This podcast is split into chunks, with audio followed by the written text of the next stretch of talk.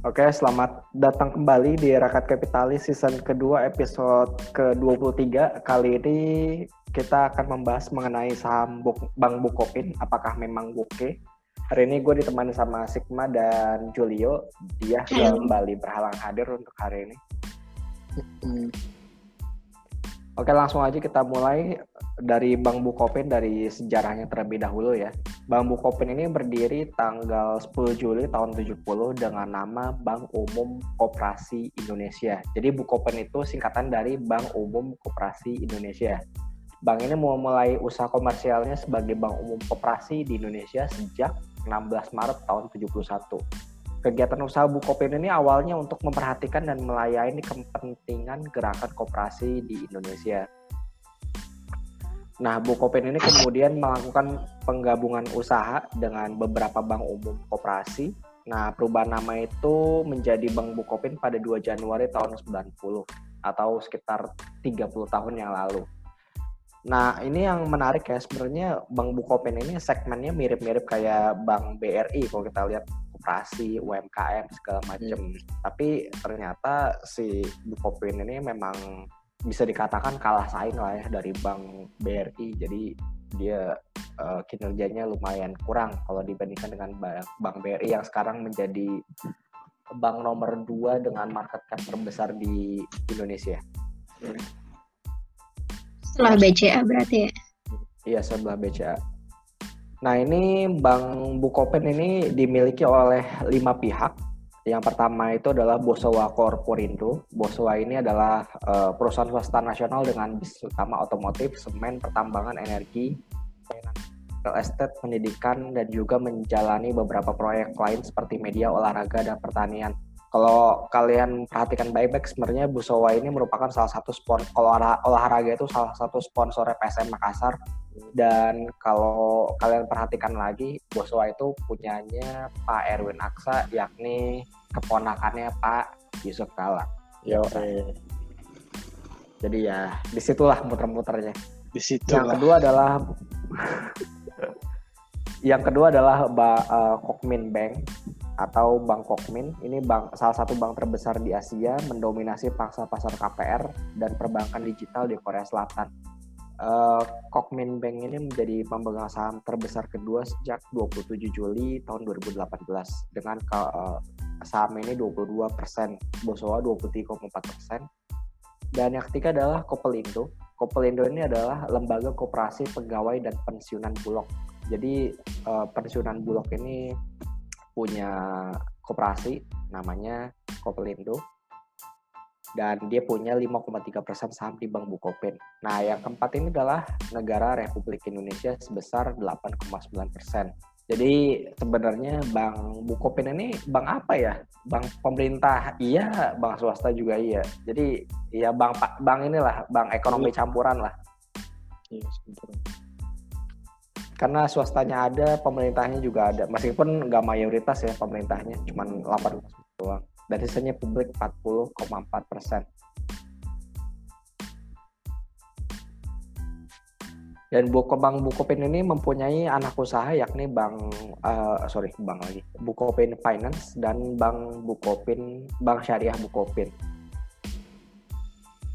Nah selanjutnya yang bikin ramai kemarin itu adalah Bank Bukopin uh, yakni pemegang sahamnya ya KB Kokmin Bank itu salah satu bank terbesar ya, di Korea Selatan ini meningkatkan porsi kepemilikannya dari ini baru rencana mereka ya dari 21,99 persen menjadi 51 persen. Ini baru rencana kan ya, belum resmi ya. Tapi itu dia kayak Apa? udah nempatin dana itu di penampungan. Maksudnya kayak escrow udah itu, escrow kan. Mulai oh apa sih namanya? Itu escrow kan? Cicil kali ya. Escrow. Enggak dia udah naruh di oh, rekening penampungan Pelan-pelan udah mulai dinaikin. Hmm, yang ya, 2,8 triliun ini ya? Iya, udah dicadangin jadinya, udah ditaruh di oh. escrow kan. Iya intinya berarti si Kokmin ini udah nyiapin duit buat akuisisi hmm. eh buat akuisisi buat tambah kepemilikan di Bank Bukopin lah ya intinya itu iya, ya. betul. Iya. Dan selanjutnya ini adalah eh, produk-produk dari Bank Bukopin. Jadi Bank Bukopin ini punya tiga bisnis yakni komersial, UMKM, dan consumer. Makanya gue bilang tadi mirip-mirip sama iya karena UMKM yang di sini sendiri di komersial sama UMKM itu produk umumnya ada investasi dan modal kerja. Kemudian kalau consumer itu adalah kredit uh, pemilikan M ini apa ya? Mobil apa, apa sih? Gue lupa deh. KPR kan kap, uh, kredit pemilikan rumah, kartu kredit dan multiguna. Multigunanya ini ada payroll sama pensiun. Nah, kalau pensiun ini dia nyalurin buat pegawai pensiunannya di Taspen sama Asabri. Ya, dia pensiunannya Asabri sama Taspen dia nyalurinnya salah satunya melalui Bank Bukopin ya. Kemudian untuk uh, komersialnya dia ada money market line, invoice financing, ada flexible, jadi bisa bayar lewat uh, Bank Bukopin juga untuk PLN. Kemudian ada BPJS juga bisa lewat Bank Bukopin dan pegasnya apa ya pegasnya? Emang ada bayar gas lewat itu ya? Gue kurang tahu sih. Lewat Iya kali ya. Iya, gue kurang tahu kalau ini. Hmm. Kemudian untuk konsumernya ini ada kredit pensiun, jadi uh, kredit ini dikhususkan untuk pada untuk para pensiunan yang ingin meminjam uang bisa pinjam duitnya di Bank Bukopin. Oh ya, Bank Bukopin ini salah satu ini ya, karena dia ada pemerintah di dalamnya karena uh, karena ada porsi kepemilikan pemerintah makanya si Bank Bukopin ini bisa nyalurin uh, gaji pensiunan dari Taspen sama Asabri. Kalau bukan kalau nggak ada pemerintah kemungkinan besar ini nggak akan disalurin lewat sana ya. Iya nggak sih? Iya benar. Jadi gara-gara ada sahamnya pemerintah juga ya. Pemerintah jadi bisa lewat sana. Kalau nggak ada pemerintah, gue nggak yakin bakal bisa lewat sana sih, menurut gue. Eh, ini apa tadi Asabri ya? Hmm. Ah, Soalnya kan kenapa? Ada BTPN juga kan? Oh, BTPN. Oh iya, BTPN pensiunan negara ya. Yoi. Ini kan ini ya. Oh iya iya iya. iya. Hmm. Tapi sekarang kan udah murni swasta ya. Iya ya. Nah, iya. Kayaknya sih iya. Nah, kemungkinan kita bahas uh, fundamentalnya Bank Bukopin. Nah, kalau kita lihat ini uh, net interest marginnya itu uh, net interest margin dari BPKP di, jujur aja ya ini di bawah dari uh, net interest margin Bank Buku 3 coba mungkin bisa dijelasin dulu apa sih yang dimaksud dengan net interest margin Mbak? Eh sorry, iya net interest margin ya berarti hmm. itu selisih dari uh, apa sih namanya cost of funding dia dibandingin sama bunga. Uh, bunga-bunga yang dia dapat berarti ya dari DPK aku jadi lupa. DPK dan pihak intinya ketiga. sih intinya uh, DPK intinya ya, net intinya net interest margin itu uh, bunga bersihnya mereka yakni dari pendapatan bunga dikurangin sama uh, ben, apa sama beban bunganya dia. Jadi net interest uh, net interestnya dia atau bunga pendapatan bunga bersihnya mereka dibagi sama uh, aset-aset produktifnya. Eh, produktif ya. Aset-aset produktif itu adalah aset-aset yang bisa menghasilkan bunga. Dia punya bank itu kan punya obligasi. Nah, obligasi itu menghasil bunga masuk ke situ. Kemudian bank juga punya kredit masuk di situ. Bank punya apalagi misalnya punya reksadana segala macam masuknya di situ. Jadi hal aset-aset yang bisa menghasilkan uh, return itu masuknya di aset produktif. Nah, net interest margin si BBKP ini termasuk uh, di bawah rata-rata industrinya dia. Padahal ini udah NIM buku tiga loh, tapi tetap masih di bawahnya uh, NIM buku tiganya dari industri. Nah, buku tiga ini adalah bank yang asetnya apa equity-nya ya? Modalnya, modal intinya modal, itu modal adalah inti. antara uh, bank buku ketika itu adalah modal yang mempunyai bank yang mempunyai modal inti 5 triliun sampai 30 triliun. Kalau uh, bank buku 4 itu adalah uh, di atas 30 triliun. Modal inti ya. Oh, iya. Hmm. Selanjutnya adalah loan to deposit ratio. Nah, untuk loan to deposit ratio-nya ini sebenarnya uh, masih cukup baik ya. Oh iya, untuk net interest margin itu semakin tinggi net interest margin maka semakin bagus si perusahaannya. Kalau untuk loan to deposit ratio semakin rendah si uh, rasio LDR-nya ini berarti semakin masih masih ada peluang si bagi si bank untuk meningkatkan uh, kreditnya kepada masyarakat. Jadi kalau loan to deposit ratio itu adalah pinjaman dibagi sama total dana pihak ketiga yang berhasil dikumpulkan oleh bank. Contohnya, si Bank Bukopin nyalurin kredit uh, misalnya 80 miliar gitu. Kemudian dia punya apa? Punya deposito atau punya simpanan atau punya dana pihak ketiga di yang dimiliki di yang dihimpun sama si Bank Bukopin sebesar 100 miliar. Nah, berarti uh, loan to deposit ratio sekitar masih 80% ya kalau gitu ya. Nah, kalau untuk Bank Bukopin ini masih 89,83 persen, masih di bawah uh, rata-rata LDR Bank Buku 3 ini masih cukup bagus, masih ada peluang lagi untuk uh, mengejut loan kreditnya atau mengejut kreditnya ke depan. Hmm. Selanjutnya adalah non-performing loan.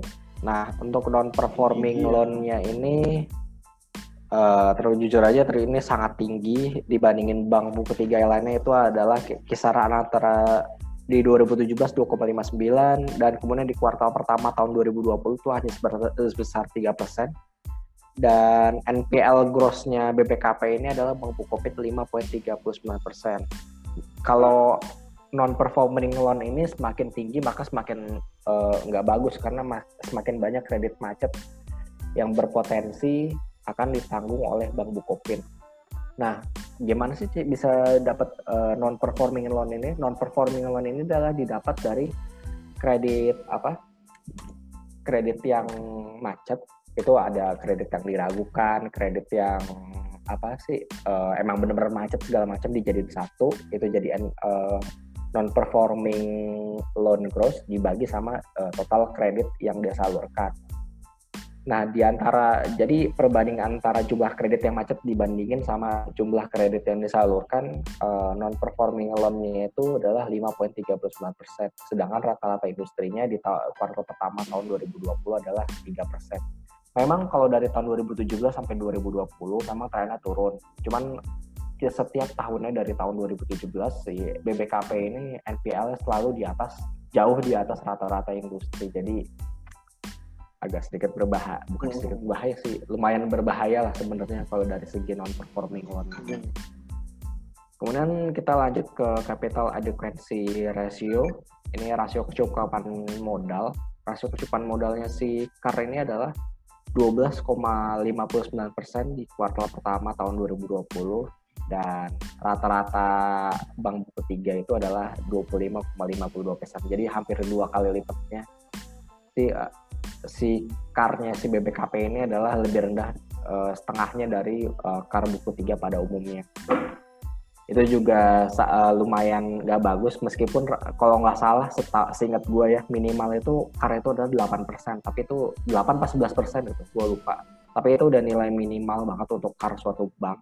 Jadi ya harusnya sih karnya si bank BBKP ini lebih baik daripada sekarang harusnya. Kemudian kita lanjut ke valuasi BBKP. Untuk kalau kita lihat dari sini dari sisi equity-nya ini dari 2017 ke 2018 ini equity naik karena ada seingat gue ya karena ada red issue. Sih kalau salah karena ada red issue makanya equity-nya lo naik lumayan kenceng. Kemudian dari 2018 ke 19 naik juga 8,5 triliun ke 8,9 triliun. Kemudian di kuartal pertama 2020 8,5 triliun. Nah, kalau kita lihat PBV-nya, PBV-nya ini memang dari tahun 2018 sampai 2020 hanya 0,3 sampai 0,27 kali. Jadi memang tetap di bawah satu, cuman emang rendah banget dari tahun 2018. Hmm. At least sudah hampir tiga tahun yang lalu. Nah, menurut kalian ini apakah si Bank Bukopin ini memang worth it atau enggak sebenarnya dari sisi valuasinya? Nah, itu dia. Ini price-nya yang turun atau book value-nya turun juga gitu. Book value-nya sih tetap sekitaran 700-an. Cuman ya emang harganya yang turun. Harganya turun ya. Hmm, harganya yang turun. Tapi kan logikanya gini loh. Eh, si book price to book value ini bisa turun kan salah satunya juga disebabkan oleh equity yang terus naik tiap tahunnya kan. Hmm. Nah, kalau equity-nya nih naiknya cuman kayak gini-gini aja ya emang nggak terlalu ngaruh signifikan. Eh salah, salah Menurut maksud gua. Maksud gua hmm, ya price to book value itu maksudnya harga dibagi book value kan. Iya, Hmm, Nah, berarti book value-nya naik gitu ya. Book value-nya segitu-segitu aja maksud gua. Hmm, ya ya benar. tujuh ratusan, tujuh ratus tiga tujuh, tujuh ratus berapa itu. Book value segitu-segitu aja, nggak ada peningkatan. Kan kalau misalnya kalau equity-nya naik signifikan kan tadinya tahun ini 740 misalnya tahun depan 760, 770, 780 terus naik-naik terus. Kalau misalnya equity-nya emang bagus ya naik-naik terus. Ini kan enggak. Hmm. Equity ini naiknya nggak signifikan, jadi si book value-nya juga ya nggak begitu naik signifikan juga. Tapi price-nya juga nggak ada perubahan. Malah gimana? Price justru Berarti Price justru dari ta- eh, ta- dari tahun 2018 sampai 2020 itu price turun terus, Hmm. harganya turun terus. Yoi. Nah selanjutnya kita ke technical BBKP sebentar ya.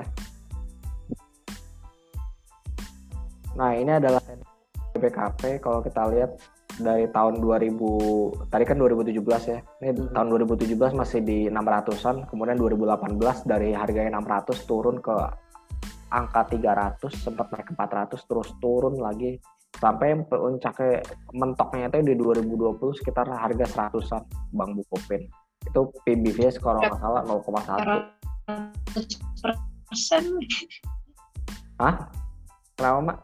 turunnya berapa ratus persen itu ya dari Iya, highest dari 6 Iya, dari sekitar tujuh ratusan ya. iya 700-an di 2016. Oh. Oke. 700 ya 30 35 lah. Sampai akhirnya di angka malah sempat sampai 80 malah BBKP ini. Gokil. Nah setelah dia nyampe titik nadirnya di 80, kemudian si BPKP ini mulai naik lagi kalau secara teknikal. Iya itu. Tapi ada tapinya. Menurut gue sih kenaikan si BPKP ini ya udah segini aja menurut gue sih. Paling-paling cuman nyampe 200 260 lah mentok-mentoknya. Karena kalau kita lihat dari PBV-nya tadi Bentar. Kalau kita lihat dari PBV-nya tadi tetap aja udah udah mau nyampe nyampe level dari 2018 kan 0,37 sekarang udah 0,27. At least dia naik berapa ratus poin lagi ya udah nyampe 0,37. Menurut gue sih nggak belum belum mampu untuk nyamain level di 2017 yang sampai 0,78 PBV-nya karena balik lagi ke kin lihat dari sisi net interest margin-nya, non performing loan-nya itu masih ya masih nggak bagus kalau bisa dikatakan demikian. Mungkin ada yang pendapat lain nggak tentang Bukopin ini? Apakah Bang Bukopin? Oh enggak, ini Bang Bukopin akan tetap melanjutkan kenaikannya gitu. Atau Sih, sama aja kayak gue? Secara fundamental, kalau secara fundamental, oh secara fundamental dulu ya. Hmm, NPL-nya itu sih yang paling mengerikan kalau menurut gua. Eh, karena dia eh, dari dulu isunya itu sih NPL-nya. Karena dia NPL. kayak nggak kayak nggak mampu buat nyalurin kredit yang bagus gitu profilnya profil profil kreditnya yang bagus gitu nggak mampu nggak nggak ini dia gitu dia dari loan to deposit ratio-nya juga rendah sih ya sebenarnya ya ya ya eh, ini ya rendah sih cuman nggak rendah rendah banget sih kan Rendah kalau ya. di industri dia kan udah 98 persen jadi udah hampir maksimal Hmm. Cuman ya ini profil profil kreditnya berarti nggak naik. Bermasalah bagus. sih profil Hmm, iya, bermasalah. bermasalah profil kreditnya dia. Hmm. Itu sih. nah jadi gimana nih kesimpulan untuk BBKP buy sell atau hold? Gue sih nggak terlalu ini sih nggak terlalu rekomendasi bukan nggak terlalu malah gue nggak rekomendasi buat buy. Gue malah jual Eh, jadi jual sih. Sell sih. Lo jual sell. Sigma lo gimana gue sebenarnya nggak terlalu prefer saham-saham perbankan ya. Cuma Mm. harganya segitu mau ke mana lagi gitu loh. Kalau lo? Ah, ya ya oke ya kalau Sigma buy berarti ya. Hmm, apa nggak lebih juga sih. Dia Nggak juga ya? Not berarti rated kayak netral netral. No credit ya? Not Not netral ya? Netral Oh. lah dia netral. Netral nih kurang satu Iya. kurang satu. Harus ada netral Mm. kalau gue pribadi gue juga sama sih. Gue nggak merekomendasikan saham ini juga. Hmm. untuk di level harga sekarang ya kecuali dia balik lagi ke 100 at least 100 lah 101 102 at least balik ke situ mungkin gue baru bisa kan oh ya udah boleh kok beli untuk BBKP cuman kalau di level harga sekarang ya dengan PBV-nya udah mau nyampe level 0,37 lagi ya buat apa gitu kecuali Terus- dia di level 100 Hmm. 20 atau 100 gitu boleh lah menurut gue Nah ini tadi gue mau cerita di satu sisi dia profil kreditnya sepertinya nggak bagus ya, itu udah tercermin jelas dari NPL-nya nggak bagus. Nah Hmm. terus cost of fund-nya dia gede juga, gitu. Bunganya Apa? dia, cost of fund bunganya dia gede loh, bunga depositonya lumayan gitu. oh iya Mm-mm. bunga depositonya dia gede Mm-mm. terus juga apa nah dia dengan bunga deposito gede pasti dia kalau ngasih kredit ke orang juga pasti Harusnya ngasih gede kan. suku bunga kreditnya lebih gede lagi harusnya karena kalau nggak gitu ya dia dan nggak nutup ya nggak Nutup. Iya. Ya, itu Nah, itu sih yang jadi kalau dia ya berita gitu kan manajemen kan ah, nanggepinnya ya ini kan sebenarnya eh, deng dia mereka tuh mau ada perbaikan juga kan dari maksudnya dilihat ini manajemen baru nih nanti kira-kira Hmm. gimana kan yang UP Hmm. kemarin kan mereka baru MPS tuh ganti manajemen segala Hmm. macam gitu kan terus sama mungkin nanti Cookmin Cookmin nambah nambah kepemilikan itu nanti ya mungkin ada yang enggak gitu loh jadi itu eh, eh, beberapa cara mereka Suaranya putus-putus nih. Iya, Nih. sudah Sinyalnya. ya. Sinyalnya agak terganggu mungkin. Sinyalnya Sigma agak terganggu sepertinya ya. Ya udah. ya udah Ih, sorry gitu ya Hmm. rada-rada Iya nih. Ya Jadi intinya kalau untuk Bang Bukopin ya di antara kita bertiga sih belum ada yang baik. Uh, eh, untuk saat iya. belum belum ada yang buy untuk saat oh. ini. Intinya itu aja untuk saham Bang Bukopin. Yeah. Belum ada yang baik untuk sampai detik saat ini. Itu. Nah, selanjutnya kita ke market preview. Untuk market preview, nah ini kondisi ISG saat ini. Minggu lalu uh, sesuai dengan skenario sebenarnya ya yeah. keempat 1.700-an, kemudian rebound lagi ke 5.000. Sayangnya, sayangan ya. dia resisten. Nggak tembus.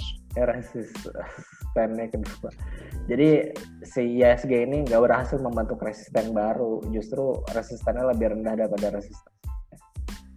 Justru ya, peaknya, ini, peaknya lebih rendah. Iya. Mm -hmm. Berpotensi Jadi ya, berpotensi melanjutkan penurunannya sih kalau kayak gini sebenarnya ya. Kalau kita lihat nggak begitu bagus ayo sebenarnya. turun. Dan kalau turun pun kayaknya mungkin ke gue sih menurut gue ya ISG ini udah kehabisan tenaga. Paling saya tuh sampai akhir akhir bulan menurut gue menurut gue ya. Udah kehabisan tenaga ISG paling saya terus gini aja terus naik turun naik turun naik turun Iya sih. nah kalau udah kayak begini lu udah nggak bisa ngincer saham-saham model BRI Iya, iya. Indonesia gitu tuh udah nggak bisa Udah. udah nggak bisa Shifting Lu- ke lu harus bener-. Iya, lu harus cari saham yang bagus, eh, cuman dia masih dalam keadaan yang belum naiknya belum terlalu kencang gitu kalau menurut gue. lu ada rekomend apa nggak gitu misalnya sahamnya apa gitu. Tahu deh. Kalau kayak Java, Java sama Cepin itu lu ada main ya, main. hmm. Cepin sih tenaganya juga udah mulai habis Udah habis ya? Cepin juga Iya. Ah, mulai habis kecuali dia naik di atas kalau 6.000, kalau era era gimana Pak? Era. era ya bentar. Coba deh lu lihat deh. Era. mana ya bentar. Era ini juga sebenarnya masih ya sebenarnya sih masih uptrend ya Ada sih ya. sini. Ah, ada potensi masih sih. uptrend sebenarnya Hmm. potensi sebenarnya Soal ada, nggak lebih rendah dari beritanya ini lagi. aja ada apaan beritanya yang lagi yang aduh waduh tuh apa tuh Apaan? yang email yang itu belum belum bisa diimplementasikan dengan maksimum gitu kalau nggak kalau nggak salah dah. Tapi dia suka kayak gitu. Beritanya berita kayak Apa? gitu taunya maksud- naik. nah tuh ini naik naik Iya. kayak gitu ya Iya. mm-mm. ya agak nggak jelas sih sahamnya ini sebenarnya Mm. untuk PTBB. apa? PTPP kita lihat PTPP saham konstruksi ini sama ya mirip-mirip sama ISG gagal gagal membantu resisten ke atas Hmm. ya kemungkinan balik ke 800 lagi sih ya kalau untuk si PTPP kalau kita lihat BRI gimana BRI ini juga ya sama pergerakan begini-begini aja sideways masih belum ada galau Yang berarti kemudian Astra gitu juga. Astra sideways di atas ini agak ngeri juga sebenarnya. Iya. BRI Ini udah sideways di atas ini agak ngeri nih. BRI ini titik puncak tapi ini nggak terlalu ya. di Hmm. Oh iya, kalau Astra udah di atas banget sih sebenarnya.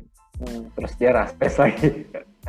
ini agak-agak perlu perlu hati-hati juga untuk Astra ya, Hmm. karena dia udah sideways di atas. Ali juga PTBA sama, gimana? Sideways di atas. PTBA. Ah, oh ya tadi PTBA yang ramai ya. Itu kenapa Ah. tadi ya PTBA? Hari ini karena X aja sih, X debt. Next Hmm. dividen ya. Ah, ah. Ini di sini harganya tadi di berapa sih? Oh, Tadi itu 2280. token 2280 ya. Ah, ah. 2280 ya.